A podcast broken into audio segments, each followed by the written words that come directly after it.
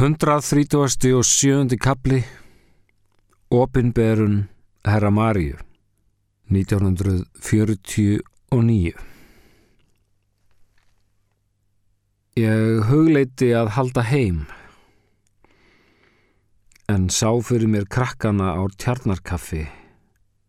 Jafnvel þau voru svo takmörkuð að í samtölum okkar gæti ég einungi spilað út 33% af sjálfri mér. Ég var kannski ekki ónýtt eins og pappi, en stríðið hafði þó fært mig handan yfir þann vegg sem kalla má líf alls venjulegs fólks. Ég hafði lifað það sem aðrir fá ekki séð fyrir en veggurinn sá hrinur. Í góðra vina hópi satt ég því aldrei við sama borð og þeir heldur til hliðar ofan í eldvolgum sprengjugík. Hér á La Quinta de Crio var ég hins var först í bráðabyrða ástandi sem ekki sá fyrir endan á. Pappi var að hrinja niður í Vesaldóm, var ég vel hættur að hringja í atvinnu miðlarana í höfuborginni. Átti ég ekki bara að gefa hann upp á bátinn. Halda út í óvissuna og yfir Andesfjöll, taka pungaprófi síle og sigla út á Kirrahaf enda sem héraðsöfðingi á Poskaeyju. Líf mitt var rétt að hefjast, hans virtist lokið. Nei, ég gat ekki skilið hann eftir. Fadir minn var orðin slíkur aumingi að ég fekk mig ekki til að yfirgefa hann. En að drífa hann með til höfuðborgarinnar? Nei, ég gat ekki hugsað mér að dragnast með hann lifandi dauðan inn og út af gardinulösum gistihúsum. En hvaða möguleikar gáfust þá? Það var í þessum þöngum miðjum sem ég fekk þá undarlegustu hugmynd sem mér hefur vitrast um dagana. Segja má að hún hafi verið galinn, en það mátti líka segja um ástandið sem hana ól. Talsvert var af þýskum innflytjendum á þessum slóðum og í nálægum bæ var nú ákveðið að halda Oktoberfest, hvorki meira ný minna. Mér dóst að fá faraleifi hjá bennunum og settist þar við langborð utan dyra á samt krökkum úr sveitinni. Það var undarlegt að södra þýskan bjór og etta saltkringlu undir augliti grætna páfagauka. En öllu þessu vandist maður líkt á því að vakna við bjöllu suð á aðfangadag. Á næsta borði sátu feitir leðurbuksnar og kyrjiðu bjórvísur frá munn hérn en á þessum árum þurftu þjóðverjar yfir hálfan hnöttin til að geta sungið. Að loknum fyrsta bjór fekk ég tróðið mér inn á barlúsina sem hýsti snirtingar og í gættinni rakst ég á undalegt par, unga snót á þýskum upplut og ekta argentinskan kúrega gaucho. Úr lífskátum hlátri þeirra framkallaðist óvænt framtíðar lausn á tilveru okkar feðgina í Silfurlandi. Framkvæmdinn krafðist mikill að lagni en myndi hún hefnast yrðum við á grætni grein áður en langt um liði. Gamli krokodílinn yrði ekki eilífur og vist var sonur hans fegur, bennarnir æfðu nývakunstir sem aldrei fyrr. Ég nefndi þetta þó korki við pappan í nokkur mann annan en gerði mér stuttu síðar upp læknisferð til höfuðborgarinnar Það er í samband við móðurlífið, sagði ég heimilisfólkinu og var ekki alveg að ljúa. Pappi lofaði að sjá um Hektor á meðan. 138. kapli Lindýr 1949 Á dimmum bar við upplýsta götu í konstitúsjón hverfi var mér tjáð hvarinn frægi Big Ben tæmdi sín glös.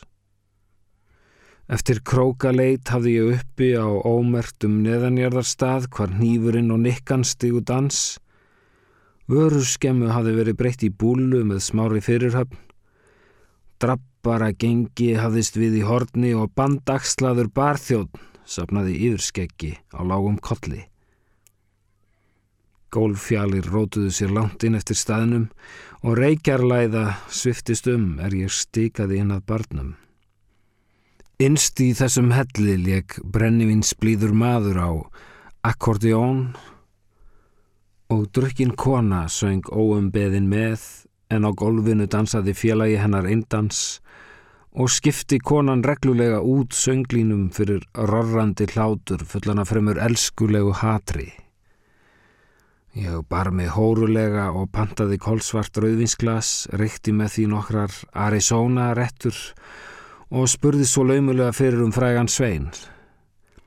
Ég var orðin vel hífuð og komin í hróka samræður við tvo hressa þjóðverja sem saman hafðu tapað einum handlegg í Normandi. Sæn arm ist mæn arm, þegar kappin skilaði sér loks í hús. Hann gekk tígulega inn á staðin líkt og sá sem valdið hefur og hafði með sér hirðmenn, tvo skuggalega mestísos, sem voru höfðinu lægri en hann og tóttuðu ítalska sveitavindla. Stóri ben var berhöfðaður og skar sig því strax úr á staðnum því á þessum árum bar gjörvallur heimslýður hatt. Hann skartaði myndalegu öri á hægri vanga og það með stolti líkt og herfóringi heiðursmerki, bar höguna hátt, svo ljósið fengi séðið stóra ben. Húð hans var þykkað sjá og hendur stórar, andlitið var óralangt frá ófrínileika krokodilsins, en þó mátti sjá föður genin að verki í vangjum nasa. Ég held kyrru fyrir við bar endan en hleyfti augunum út eftir barborðinu og upp eftir steltri bringu. Þetta fór ekki fram í honum, ég sá skjökta í sjálfströsti hans. Kavalirinn mismælti sig jafnvel við barþjónin sem hann þekkti þó greinilega vel. Hann var þá ekki svalari en svo. Þremenningarnir hörfuðu út í dimt horn og hlunguðust þar niður með drikki sína. Stóri Ben skellti fótum á borð en hinnir geimdu illjar á golfi og gondu á glösin sem þeir snýru annað slægið en báru sjaldan að vörum. Þeir þáðu og rektu. Yfir þeim var sami ofbeldisfulli friðurinn og ríkir yfir hópi dottandi ljóna.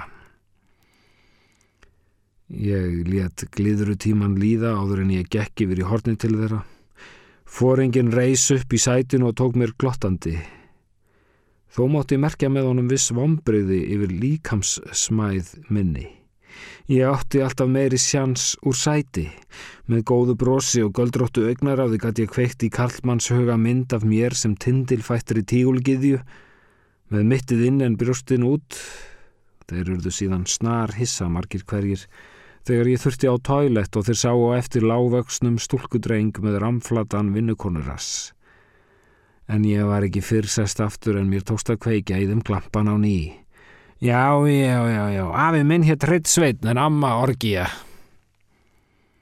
Helst hefði ég viljað ljúka þessu afi í einum íslenskum kvelli en þessi kúreiki var að þeirri gerð sem mætna þykir um veiði en bráð og vildi fyrst fá að þreita mig með samræðum um stjörnuspeki. Annar fyldarmanna hans var sérfróður um stjörnufræði Aztekana og Stóri Ben let hann mæla fyrir framtíðminni og fekk á meðan vindil hans á láni. Fyldarmadurinn dró út úr mér fæðingardægin og reiknaði svo og teiknaði þar til hann hafði raskað hálfu himinkolvinu og fengið út vist jarðarkrót og nánast formsatriði að afplána þann æfi feril, gott ef bílskurinn byrtist honum ekki líka. Það er eins og þú komist ekki inn í lífið þitt. Júpiter er svo þungur hérna, sérðu? Hann rindir þér alltaf frá. Þú ert dæmt til að arka krákustíga.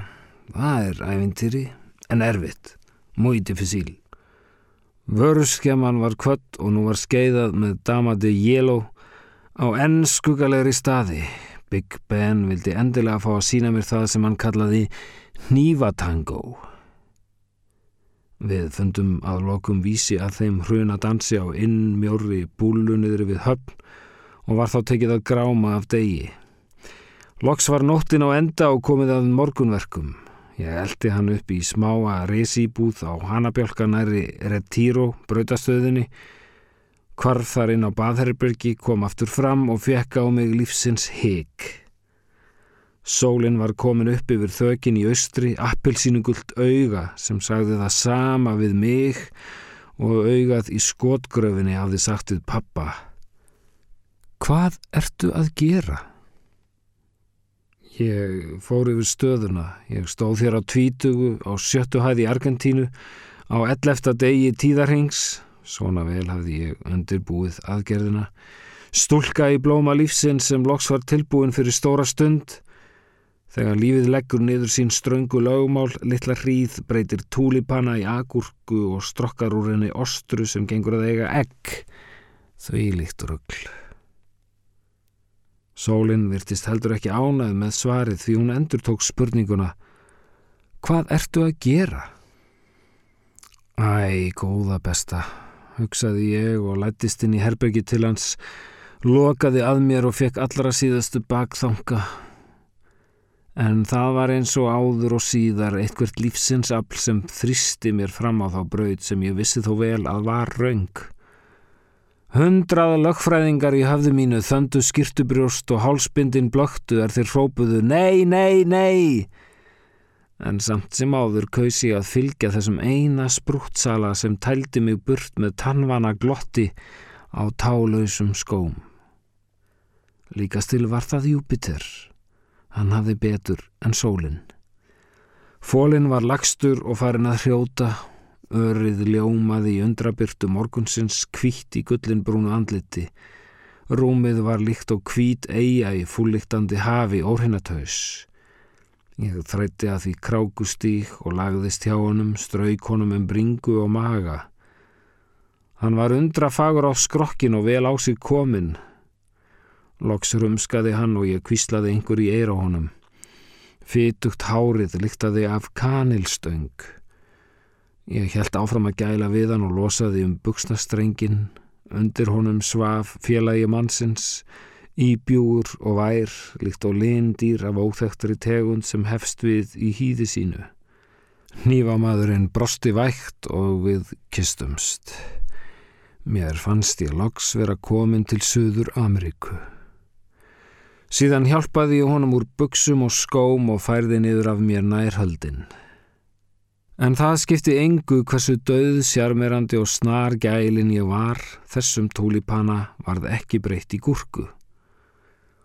Ég var þó ekki á því að gefast upp og reyndi sem best ég gata að koma lindirinu á lappir. Hér var framtíð okkar pappa í húfi, en allt kom fyrir ekki.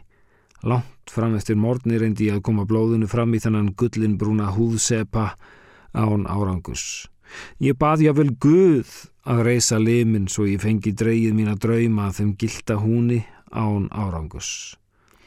Loks stottaði ég á vaktinni en rauk upp þegar maðurinn vaknaði og gerði úrslita tilraun. Ég sá fyrir mér föður minn sælan með örlítin Avason af Benítez blóði, gargandi glókoll með ör á vanga, rétt borin erfingja kríustadajarðarinnar. Að þeim krokodilsfeðgum látnum hafðum við reist heilan búgarð niðri við árbakkan, vel frá bíli bennanna. Amma og afi fengju postkort með mynd af húsi sem var í starra en sjálfur bestastæðabærin. En það fór sem fyrr nýfa heitjunni reys ekki hold. Er eitthvað að? spurði íslensk mær. Nei, nei, þetta er bara... Akkur vilt hann til að... Ég greindi vanlíðan í orðum hans. Er ég svona ómuleg? Nei... Nei, nei, nei, nei. það var um, það var lögð á mig bölfun Bölfun? Já, það var helvítið spákona sagði að ég myndi aldrei geta Hæ? Var það sama spákonan og spáði að þú myndir degja þegar þú erðir 33 ára? Hvernig veist þú það? Ég veit ímislegt Hvar heyrði þú það? Á kvintati kríó? Á kvintati kríó, hefur þú komið þangað? Ég vinn þar, býðar. Ha, hvað segiru? Já, ég sinni pappa þinnum. Pappa? Gamla krokodilnum? Já, sagði ég og varð þegar fyrir hugljómun. Það var til önru leið til að komast yfir kríustadi. Ég dreif mig í föttin, sagði bless og helt af stað niður stigan áleiðis á langferðamiðstöðina. 139. kapli Yllur fengur 1950 Þann 4. júli 1950 ól ég dóttur. og greta því loknu í tvo sólarhinga. Ég sem ekkert gat og ekkert kunni hafði þá afreikað þetta. Mér sem lífið hafði nauðgað hafði tekist að bera því ávöxt. Ég sem átt að vera ónýtt var til einhvers nýtt. Ég gret af gleði, af leti, af sorg og trúði ekki mínum eigin augum þegar heilbrið lítil stúlka var lögð mér í fang. Pappi feldi tár mér til samlætis, syndi hektori og samti við bennana um vikulangt fæðingarleifi mér til handa. Ég átti heima í herberginu okkar pappa. Ljósmóðurinn var spákonan úr þorpinu, svo hinn sama og hafði ránglega spáð lömun krokodíls en sínt mátt sinn í bölfun lagðri á svonar tól. Mér leist ekki á hana en hún var vist eina ljósan í þessari flatsveit, æfi gömul og samangengin síkunakona, ennis, bolgin, brjóstanhöttur með sverar hendur og svartan blett á högu. Eldri bennin hafði sótt hana á bodybíl sínum. Undir högu og upphandleggjum hristist lungamjúkt spikið líkt og kögur á kúrekajakka. Barnið byrtist nánast ljóshært og leginu og snar kvítt á kroppin, kom líkt og ljós í þessar dökku hendur, svo orðið ljósmóðir hafði sjaldan átt betur við. Hins vegar skorti talsvert upp á hjartallíu hjá kerlu. Ég let ekkert uppi um fadernið en hafði vart náðað krista út úr mér höfuðið, eitt agnarsmátt og grindar kramið andlit þegar spákonan sá hvers eðlis var. Hún tók harkalega á móti barninu, líkt og væri það kalfur úr kú og tautaði allan tíman fyrir munni sér Yllur fengur, illa forgengur, yllur fengur, illa forgengur skar naflastreng með ygglibrún og hendi organdi króanum í mig með fyrirlitningarsvip. Samt var það aðeins örlítið sígöna skí á mínum heiða himni því nú skildi ég hvers vegna börn eru kölluð sólar gislar. Hundrað og færtugasti kapli Kvöldrútan til Bæres 1950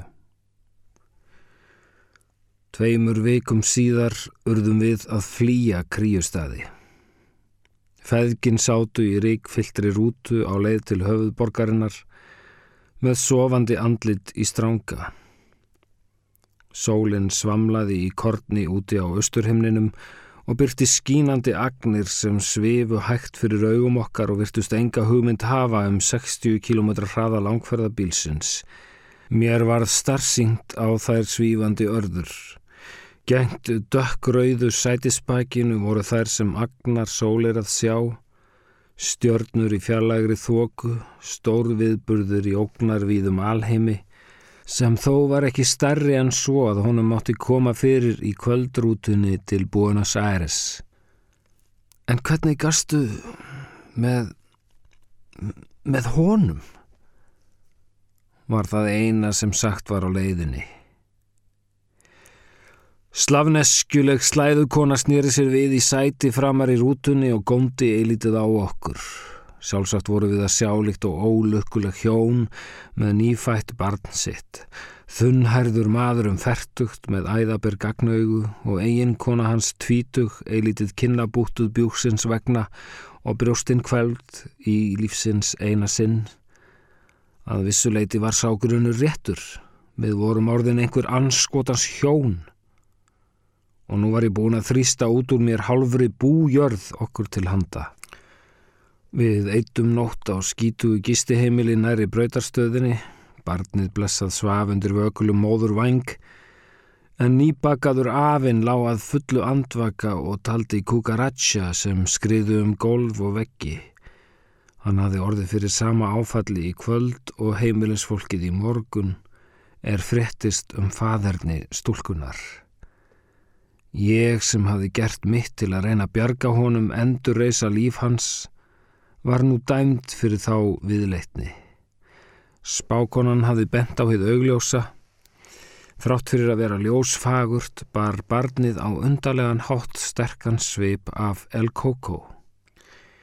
Ég þvertók fyrir það í fyrstu, en eftir stutta pyntingastund í skúrnum hafði feitimadurinn játað getnað fyrir bennunum, sem að því loknu gengu berserksgangum búgarðinn La puta mierda! Mér tókst með naumyndum að fela stúlkubarnið í skurði á meðan æðið gekk yfir. Annars hefðu þeir drekt því í mjölkurfötu. Þeir gáðu mér eina tíu kinnhesta kvor og íttu mér ofan í flórin. Ég beit í skít og bölvaði hljóði. Fadir minn hafði verið sendur með nokkra naut skrokka á markað og kom ekki aftur heim fyrir en síðdegis. Klukkustund síðar voru við farin frá La Quinta de Crio en erfingin livði í fangi mér og það var fyrir mestu. Í krafti hans myndu við snúa aftur og krefjast þess sem honum bar. En hvað er þið nú um Hector? Myndu þeir... Hafði ég nú líka drepið hann? En svo Hartmut, minn Hertzfeld, mistara Jakob, Aron Hitler og fröken Ósinga. Hvers konar ólánsmanneskja var ég eiginlega? Sem stráði um sig djöblum og dauða hvar sem hún fór. Og hafði ekki lúsíska fjölskyldan einnig látist af mínum völdum. Húsfreyja, kripplingur og bondi. Ég bjó á bakvið líkin sjö. Hvernig í óskupunum varði ég svona að mér stóð ómyrðandi fólk í báðar ættir En hvað hafði litli indjánin sagt, þessi sem kunni stjórnufræði astekana? Voru þeir krákustígar ataðir blóði? Voru þetta mín örlög? Ég spurði rikið í rútunni en það var eins og að spyrja kollegur þess stjórnurnar á næturhimninum um eðli alheimsins. Ég svaraði með því að blása á þær árans agnir, þær pöðruðust út í loftið. Heilu stjórnuð þokurnar riðluðust, líkt og Guð hefði blásið á sköpun sína í myndarlegu pyrringskasti, en andartaki síðar var allt fallið í ljúfa löð en svo ekkert hefði í skorist. Hver fjárin var það eiginlega sem held þessu öllu í jafnvægi? Hvernig stóð á því að þessa reik örður heldu hópin svona vel og letu sig reka um andrúmið af slíkri ró og festu og það þótt rútan hossaðist um hólóttan malarveg á 60 km hraða? Hvers vegna þeittust þær ekki aftur í eða fjallu í gólfið? Það var einhvert helvítis jafnvægi í eðli heimsins, helvítis jafnvægi og festa og það var sama hversu hressilega var blásið á hlutina, þeim varð ekki haggað, varð ekki breytt. Guð hafði víst ætlað mér hlutverk óheila krákunar. Á þetta blæs ég núna 60 árum síðar, Auðvitað var engin helvíti skuð og er engin helvíti skuð í þessum heimi, aðeins puð. Það var vist verkefni lífsins að losa sig við allar þær hundra þúsund hugmyndir sem aður þáði í vöggugjöf. Lífið er döglegt við að hlaða á okkur alls konar pjöngum og pinglum. Okkar hlutverk er að kasta þeim af okkur jafnóðum. Það er fyrst nú að ég er orðin sæmilega laus og frjálsundan öllum þeim leiðendum sem vittlusir menn hafa hugsað upp í kringum lífið eins og guðavælinu, stjörnu spikinu, ástarvillunni og eignaþránni. En þá er það orðið of seint. Þá er það orðið of seint því nú má ég til með að fara að deyja. Og þetta er eins og í matematíkinni í gamla daga. Heilan vetur hafði maður reynd að botna í því helskotans hildýpi. Ekki fyrir ná sjálfan pródægin fór maður að skilja eilítið í þessum fræðum en þá var það um seinan því að prófi loknu hafði maður ekki nokkur einustu nót fyrir þau. Hundrað þertuasti og fyrsti kabli Húskona 1951 Aðlokum skildi leiðir með mér og pappa. Ég hafði ofbóðið honum. Sama hvað við reyndum þá gáttu við ekki búið saman. Hann gati ekki hort á barnið án þess að sjá fyrir sér föður þess. Það sem ég hafði talið slóttuga hugmynd var honum fyrirlitlegt aðtæfi. Það kemur ekki til greina að ég notfæri mér þetta, mér til framdráttar hér í þessu landi. Herra, ég skil ekkit í þér. Hvernig, hvernig þú gæst látið þér detta slikt í hug? Annaðins hefur nú gerst var hið augljósa svar og gæti ekkert af sér annað en steinhljóð augu. Hann myndi skilja þetta þegar litli ljósærði haptrættisvinningurinn yrði lestur út, hvort sem það yrði eftir ár eða tíu. Þángað til yrðu við hvort um sig á eigin vegum. Ég kynntis fljótlega slánalegum pildi sem varð minn frumjón og flutti til hans. Juan Calderón var spænskur í húð og hár og góður í öllu nema drikju sem hann stundaði þó best. Hann starfaði í sláturhúsi og reyndi að sjá fyrir litlu fjölskyldunni, fingrafagur drengur með aflabrest í augum. Við byggum í Bárujárds Kumbalda kalla ég, bakhúsi við blindgötu í Boka, genovísku rustakverfinær í höfninni. Hjallurinn var einnig heimili katta og músa og stóð líkt og óbóðinn gestur í porti sem tilherði þrýhæða steinhúsi. Ég var húsföst móðir þar sem barnaheimili var enþá ókunnugt hugtak á söður kveli jarðar og steitti mér dægrin við að fylgjast með íbúum steinhúsins rölda hjá glugganum mínum áleiðis á kamarinn sinn sem stóð þar í porthorni eins og söluturn í síkuna viti.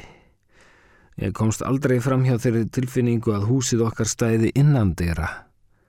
Á mornana þegar vetrarþokan kældi merk í beinum og litla ljósið hafði næturlangt hveðið eirnarbolgum ljóð, en kaldi rónin minn var að skrýða heim af knæpufjöri, skrámaður af karlmanns núum og hvernmanns nögl.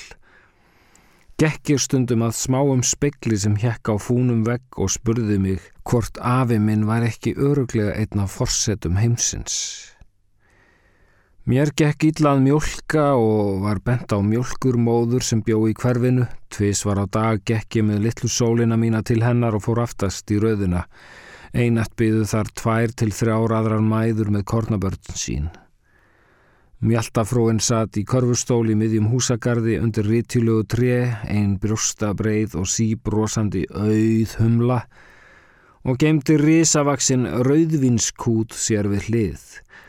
Stundum hafði hún barna á báðum brjóstum en oftast þó bara eitt og gatt þó tekt sig eftir sopanum með lausu hendinni. Mjölkin úr henni hlaut að vera ram áfeng því konan var ætíð vel við skál, sælubrósið vek aldrei af vör og reglubundið rauk hún upp í söng. Ég hafði áhyggjur af þessu en var sagt að fátt var í börnum betra en rauðins blönduð móðurmjölk.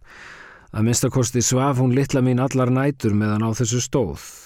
Ég átti þó hund erfitt með að sjá barnið mitt taka upp í sig sigg gróna vörtuna sem týjir annara barna höfðu sóið þá vikuna og myndi það sem sagt var heima að móðurmálið drikkimaður í sig með móðurmjölkinni.